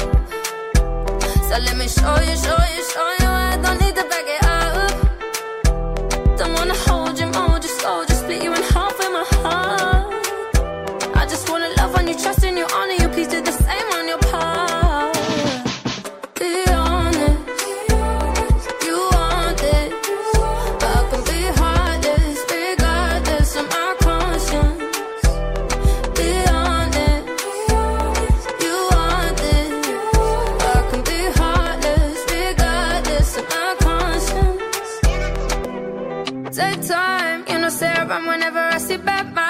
Before you come my way, make sure you think twice. Look into my eyes, but I can never see eyes. I can point a gun, but you know I could never lie. Come through, I can show you something you can run to. When I'm finished, you'll be feeling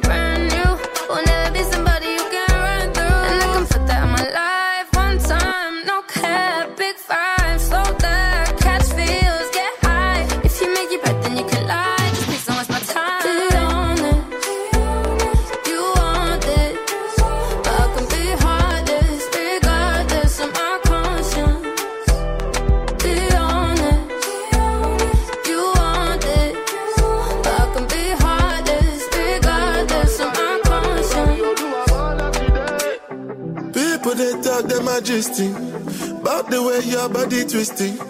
Make me lose control in a this boy. And it's happy cause I'm thinking of us. Don't go throw me under the bus. Under respect, I'm under your love.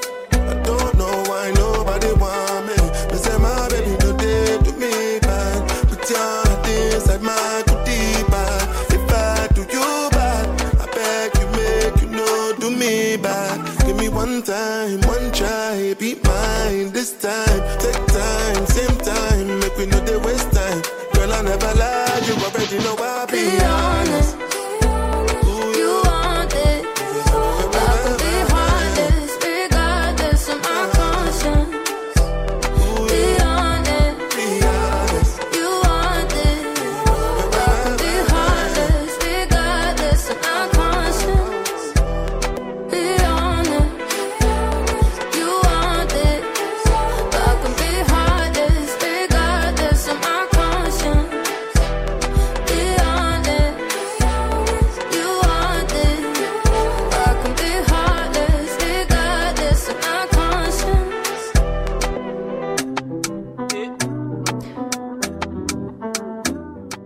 Georgia Smith featuring Burner Boy Be Honest. Klokken er 20 minutter i 9. Du lytter til Aftenradio på Radio 4. Det er øh, mandag, og øh, dagen har stået i finanslovens tegn. 11 ud af 12 partier er med i den finanslov, der blev præsenteret i dag for det næste år. Der er altså tale om en historisk bred aftale, hvor det kun er enhedslisten på Christiansborg, der har valgt at stå udenfor. Pelle Dragsted, han er politisk ordfører i øh, partiet, og han forklarer her, hvorfor partiet står udenfor. Jamen det er simpelthen fordi, at øh, den overhovedet ikke øh, retter op på det enorme hul, der er ude i vores velfærd. Altså vi hører jo dagligt øh, om kommuner, der skærer dybt, dybt ind i ældreplejen. Altså om ældre mennesker, der øh, nu kun får gjort rent hver tredje uge, altså veritabelt skal bo i deres eget skidt. Om familier med handicappede børn, der ikke får den hjælp, øh, de skal. Øh, om livstruende forhold, og det er ikke mit citat, men sundhedsvæsenets eget ude på vores hospitaler. Og, øh, og det er det, vi har kæmpet for ved bordet, at man skulle lukke det hul, og det har der øh, simpelthen ikke været nogen, nogen vilje til. Så, så det er derfor primært. Herudover så indebærer aftalen jo også et angreb på, på de mest nedslidte danskere, fordi at øh, man er løbet fra den aftale, som vi lavede med den sidste regering, om at gøre seniorpensionen lidt bredere, altså at de mennesker, som har en arbejdsevne på op til 18 procent, øh, undskyld 18 timer, øh, at de skulle øh, blive omfattet af seniorpensionen. Og det, det er altså udover det er dybt forkert og på den måde svigte de nedslidte danskere, så er det også et, et, et, et aftalebrud med, med os og andre partier, som var med til at lave det her. Så, Øh, så det er de primære årsager til, at vi har valgt øh, ikke at sætte vores underskrift på den her finanslov. Siger Pelle Dragsted, der er politisk øh, ordfører i Enhedslisten, der står uden for finansloven som det eneste parti i Folketinget. Det er ellers med penge til velfærd, til landdistrikter og til miljø, der i dag er landet en finanslov. Og jeg riser bare lige et par af meldingerne op fra finansloven i dag. Knap 700 millioner kroner er der blevet afsat til ældrepleje fordelt over de næste fire år. Lige over 600 millioner kroner til landdistrikter. Og så er der også 405 millioner kroner til en forbedring af havmiljøet, fordelt over de øh, næste fire år, som jeg også talte med havmiljøforsker øh, Stig Markager om. Der er afsat knap 300 millioner kroner til et styrket akut beredskab herunder akut lægebiler i de kommende fire år. Så er der 150 millioner kroner til en fjernvarmepulje. Det er til folk, som gerne vil omlægge til fjernvarme. Og så er der 125 millioner kroner til en stormflodspulje til en genopretning af hårdt ramte kommuner under øh, blandt andet stormfloden jo for en øh, måned siden. Øhm, det her det er altså bare et, øh, et udpluk. Der er meget, meget mere i, øh, i den her finanslov. Den er lang, men jeg har altså ikke tid til at tage det hele her. Så her var det et, et udsnit. Men finanslovens øh, ambitioner øh, er altså ikke nok for enhedslisten, siger enhedslistens øh, Pelle Dragsted. Han er politisk ordfører. Hvis partiet skulle have sat sin underskrift på finansloven, så skulle der laves en finanslov, som ikke tvinger kommuner og regioner til at skære ned på velfærden, siger han. Det er sådan set basic, og det er også sådan, det har været med de finanslov, vi har været med til at lave. Der har vi sikret en vækst øh, i, i, det, i det offentlige øh, forbrug ude i kommunerne og regionerne, der gjorde, at de kunne holde skinnet akkurat på næsen. Det har slet ikke været nok. Men den her gang, der er det decideret et hul, man graver. Og det skyldes jo, at der har været den her meget store inflation øh, som har ramt kommunerne og regionernes økonomi, fordi de ting, de skal købe, er øh, blevet meget dyre, ligesom vi selv kender det nede fra supermarkedet. Og det har man simpelthen ikke vil kompensere dem for. Og det betyder bare, at de så i stedet for er nødt til at fyre sygeplejersker, fyre sosuer, skære ned på øh, børnehaver, på fritidsklubber, på hjemmehjælp til de ældre, på hjælp til mennesker med handicap, og det er, øh, det er meget, meget alvorligt. Øh, og det er det, vi har kæmpet for ved bordet. Kunne vi få løftet den hjælp til velfærden, og det har der simpelthen ikke været nogen vilje til fra regeringen. Og det er jo ikke, fordi der mangler penge, fordi der er faktisk penge til at løfte velfærden. Man vil bare ikke gøre det, fordi man skal have rum i, i finanspolitikken til de her meget store skattelettelser. Så det er jo også, altså for os er det også et svigt, særligt måske for Socialdemokraterne, fordi før i tiden, der talte de jo altid om velfærd før skattelettelser, og nu er det ligesom om, at det er blevet vendt på hovedet. Nu, nu er det skattelettelser før velfærd. Det, det har vi i enhedslisten som et parti, som øh, er, altså, gerne vil stå på almindelige menneskers side, meget svært ved at acceptere. Som samlet ramme for næste år de kommende år, der kan enhedslisten altså ikke være med i finansloven, og det er særligt Socialdemokratiet, som øh, skuffer, siger Pelle Dragsted. Når vi går til finanslov, så øh, mener vi, at, at man stemmer, skal jo, man forpligter sig jo til at stemme for den samlede finanslov, at man, at man tager ansvar for den samlede ramme, øh, for, for, for altså, hvordan er det, vores offentlige økonomi ser ud næste år. Og det vil sige, at man tager også ansvar for de fyringer, øh, som er ved at blive gennemført ude på vores hospitaler, på vores plejehjem, hvor man sender personale hjem, selvom man har brug for det modsatte, øh, nemlig at udvide personalegruppen, fordi opgaverne er vokset.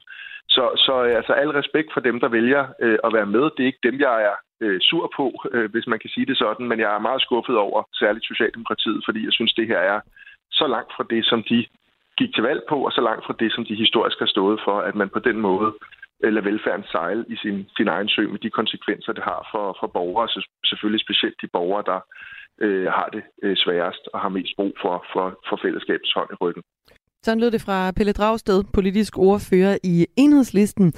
Enhedslisten, som altså er det eneste parti, der har stået uden for den finanslovsaftale, der blev præsenteret i dag af ellers i øvrigt 11 ud af 12 partier i Folketinget. Og oven på den her finanslovsaftale, så øh, har Lars Bøje altså også meldt sig ind i øh, en snak om, om der skal en, oprettes endnu et øh, nyt parti i, øh, i Danmark. Han øh, mener, at der skal oprettes et nyt parti oven på finansloven. Han synes ikke, det kan passe. Du kan også øh, byde ind på den her. Skal der oprettes et nyt parti i øh, Folketinget i øh, Danmark? Eller skal der ikke? Og i så fald, hvis der skal, hvad skal partiet så egentlig øh, fokusere på? Skriv ind på det nummer, der hedder øh, 1424, så kan vi altså stadig nå at tage sms'er her i programmet. Jeg sender jo hele vejen ind til klokken 21. Vi har cirka 14 minutter igen. Men nu skal vi have Daryl, Hall og John Oates med Man Eater her i Aftenradio.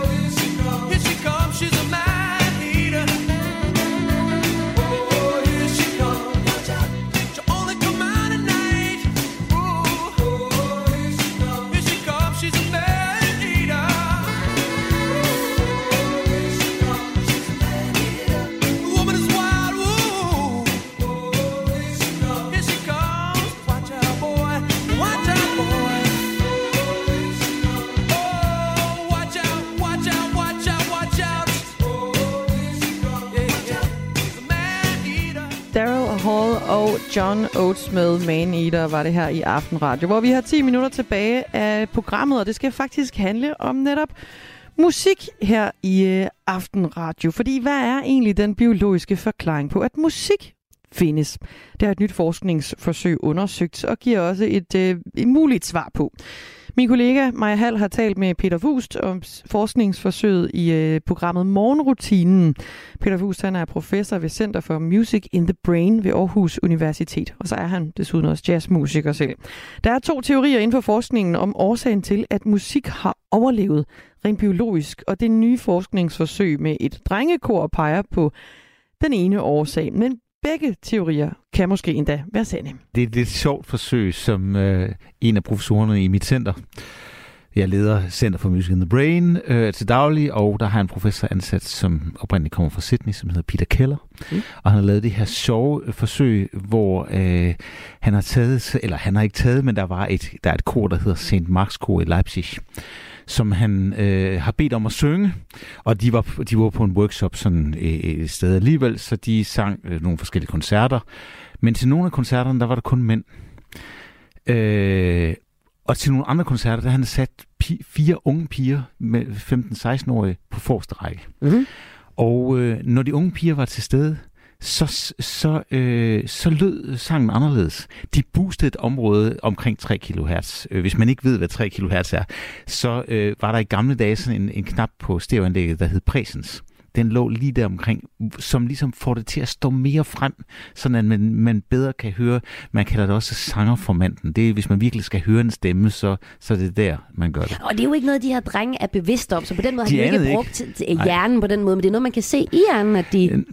Vi har ikke lavet øh, ah, okay. hjerneforsøg med dem øh, som sådan, men det man kan se, det er, at når man, når man, man de havde sådan nogle mikrofoner på, øh, på, på, at de havde hver en lille mikrofon på, sådan en Madonna-mikrofon. Mm. Øh, og og så, øh, så når man optog det, så kunne man simpelthen se, at det var specielt basserne, der boostede det her område, der egentlig ligger lidt højere, øh, men, men øh, for måske øh, lige at komme lidt frem der i køen. Og, og det sjove ved det, det er, at øh, at når man så bagefter spurgte en hel masse øh, unge øh, mennesker, øh, mænd og kvinder, øh, om hvad de bedst kunne lide at enten den her, hvor det her område var boostet, eller den ikke var boostet, så var mændene fuldstændig ligeglade. De synes, det, var, det lød lige godt, men kvinderne, de kunne bedst lide det der område, hvor det her, eller det, de, de her øh, optagelser, hvor det her område, det var boostet. Okay. Og det vil altså sige, at øh, det var også sådan, at de her drenge i koret, de, de synes også, de sang bedre. De synes, det lød bedre, når, når, når pigerne var til stede, uden at de vidste, som sagt, øh, at der var forskel på, på deres publikum på den måde. Men de synes, de der optagelser, de var altså bedre. Mm. Så, øh, og, og, og grunden til, at, at det her forsøg blev lavet, det var, at, øh, at øh, når man ser på dyr, så er det sådan, at for eksempel øh, nogle frøer og øh, forkyllinger, de, øh, de gør lidt det samme. De, øh, de har fundet ud af, at, at hunderne kan bedst lide øh, hannerne, når hannerne de, de laver deres lyd så hurtigt og højt som muligt. Og derfor, når den ene han laver det lidt hurtigere og lidt højere, så følger de andre ligesom efter. Mm. Så, så det er derfor, det kommer til at lyde som om, de er sammen om det, men i virkeligheden er det for at komme først i køen, de gør det her. Og det gjorde de her drenge altså på samme ah. måde også. Og se, det spiller ind i en, en, en, øh, en, en, øh, et stort spørgsmål inden for vores felt, nemlig, mm. hvorfor har vi overhovedet musik? Fordi øh, der er sådan to hovedteorier, der er lidt forskellige teorier, men øh, hvis man skulle sådan sammenfatte det, så er der Darwins teori, han sagde, at vi har det for at kunne tiltrække det andet køn. Mm. Øh, og det peger det her Og det peger det her i retning af. Ja. Men den anden teori, det er, at øh, det handler om at føle fællesskab. Ah. Og i virkeligheden peger det her måske mod, at, de, at begge de her øh, øh, teorier faktisk kan have noget rigtigt i sig. Fordi på den ene side synger man jo sammen i kor og føler den der glæde ved at synge sammen. Men på den anden side, så skal man også lige først i køen. Tag mig, siger de der drengestemmer i virkeligheden. Ikke? Hvor er det er sjovt. Ja, det er og det er jo sjovt. altså de to retninger, men de modarbejder jo egentlig i udgangspunktet ikke hinanden, de to. Ikke nødvendigvis, og det er jo egentlig det, jeg altid har synes var smukt ved musik, fordi på en måde er der meget individualisme forbundet med musik. De fleste musikere, de sidder og øver der, øh, på deres øh, instrumenter for at blive rigtig gode til at spille det, men det bliver jo kun interessant, hvis vi gør det godt sammen. Så i virkeligheden kan man være individuel og kollektiv på samme tid, når man har med musik at gøre sagde Peter Fust, som er professor ved Center for Music in the Brain ved Aarhus Universitet. Og det sagde han i morgenrutinen i morges. Du kan finde hele, finde hele den her udsendelse som øh, podcast, der hvor du plejer at finde dem. Du kan også desuden høre morgenrutinen live alle dage. De sender alle hverdage fra 5 til klokken 6 her på kanalen. Du har fået til job at synge kor for ABBA. Jeg, jeg var ikke simpelthen ikke klar over, hvor sindssygt det egentlig var. Det var jeg jo ikke. Jeg var jo bare ni år og glad i låget. Musik er en hurtig genvej ind bag facaden. Jeg følte jo, at alle de sange var til mig. Ind bag den offentlige person. Jeg kiggede ind i et mørke. Det er jo der, jeg skal hen. Det er jo der, alt trøst er. I Portrætalbum bruger Anders Bøtter musikken til at vise nye sider af sine gæster. Carmen Køllers uh, Axel Byvang, har han en playliste? jeg ved ikke, hvad jeg tør sige det. Det er så pinligt. Blandt andet Backstreet Boys. Lyt til Portrætalbum i Radio 4's app, eller der, hvor du lytter til podcast. Radio 4. Hold kæft, mand. Det tror Ulla Terkelsen ikke, det der. Ikke så forudsigeligt. Her er det Aftenradio, der går på held. Du får et sidste nummer, inden jeg også så småt begynder at takke af for i aften. Men øh, du skal altså øh, endelig blive hængende her på kanalen, for der kommer meget mere godt. Jeg skal nok uh, rise noget af det op her lige om et stykke musik med Sanne Salomonsen. Tale Salomonsen, Kærligheden kalder.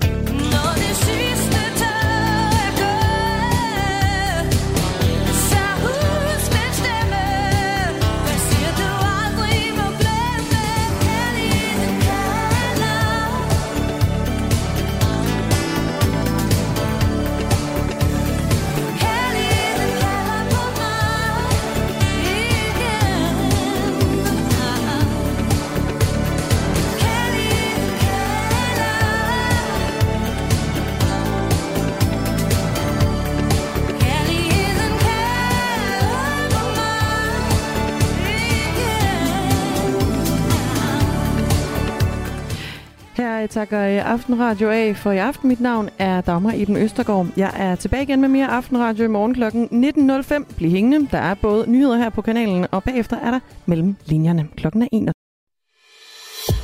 Du har lyttet til en podcast fra Radio 4. Find flere episoder i vores app, eller der, hvor du lytter til podcast. Radio 4. Ikke så forudsigeligt.